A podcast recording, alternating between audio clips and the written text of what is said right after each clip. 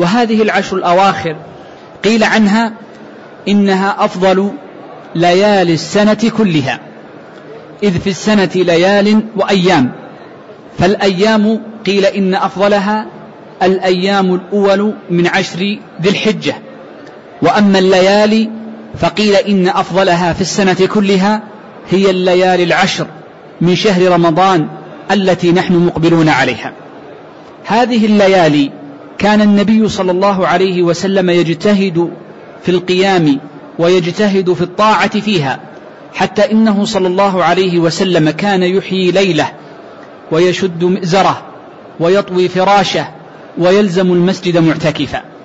وهذه الأفعال منه صلى الله عليه وسلم في العشر يدل على فضل هذه العشر كلها سواء كان النبي صلى الله عليه وسلم عالما ليلة القدر منها بخصوصه كما كان في أول أمره أو لكونه لم يكن عالما لها لما نسيها عليه الصلاة والسلام. قصدي من ذلك أن نعلم أن العشر الأواخر فاضلة بعمومها وفاضلة لما حوته من ليلة القدر. إذا هذا الفضل الأول لهذه العشر هو اجتهاد النبي صلى الله عليه وسلم فيها بالعبادة وإكثاره منه صلى الله عليه وإكثاره فيها صلى الله عليه وسلم بالطاعة بشد المئزر وإحياء الليل ولزوم المساجد وإيقاظ أهله وطي فراشه صلى الله عليه وآله وسلم.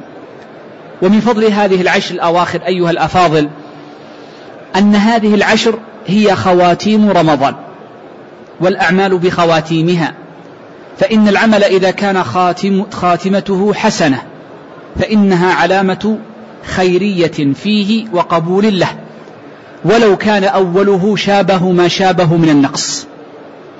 ولما كان الثلث كثيرا كما قال النبي صلى الله عليه وسلم الثلث والثلث كثير.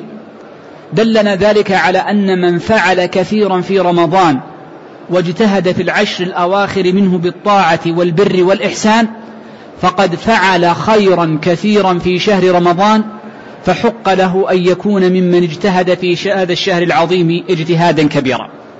ولما قلت إن الثلث هو الكثير لأن العلماء قد قرروا قاعدة مشهورة وهو أن الثلث حد بين حد القلة وحد الكثرة. فهو حد يفصل بين القلة فما نقص عنه فهو قليل وما زاد عنه فهو كثير وهو حد. ويلحق في أحايين كثيرة بالكثرة.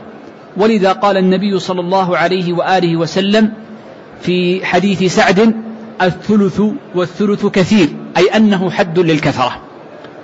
ومن فضائل هذه العشر الأواخر التي نحن مقبلون عليها أن فيها ليلة عظيمة. هذه الليلة ذكرها الله في كتابه وجعل لها من الفضل ما ليس لغيرها من ليالي العام كله. إنها ليلة القدر.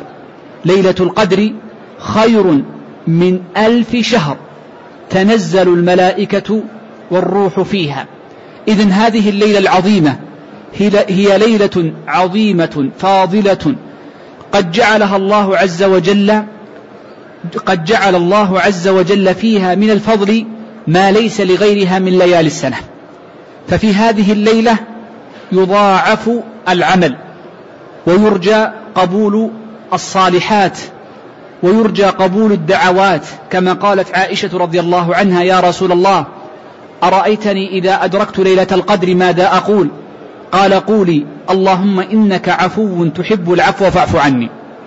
وهذه الليلة قيل إنها يكون فيها تقدير الحول من حيث ما ينزل إلى الملائكة مما يكون من خير وشر وليعلم المرء أنه في وقت التقدير الأسبوعي والحول يشرع له الاجتهاد في الطاعة إذ ترفع الأعمال في يوم الاثنين فيجتهد فيشرع فيه الطاعة ويقدر العمل والقدر الحولي في ليلة القدر في أحد قولي أهل العلم ويجتهد فيه في الطاعة. إذا المقصود من هذا أن هذه العشر أيها الأفاضل فيها من الفضل العظيم الشيء الكثير ولكن المغبون والمحروم حقيقة هو من أدرك هذه العشر بعقل سليم وجسم صحيح ثم تمر عليه هذه العشر كسائر أيام السنة من غير اجتهاد ولا مزيد طاعة وإقبال على الله عز وجل. ولا يندم على ذلك إلا من فقد الصحة بعد وجودها أي بالمرض وفقد الحياة بوفاته. فحين ذلك ينوم نفسه ويندم على سنوات مرت عليه ولم يجتهد فيها. وحين ذاك يصدق عليه ما قال الناظم فنفسك لم ولا تلم المطايا ومت كمدا فليس لك اعتبار.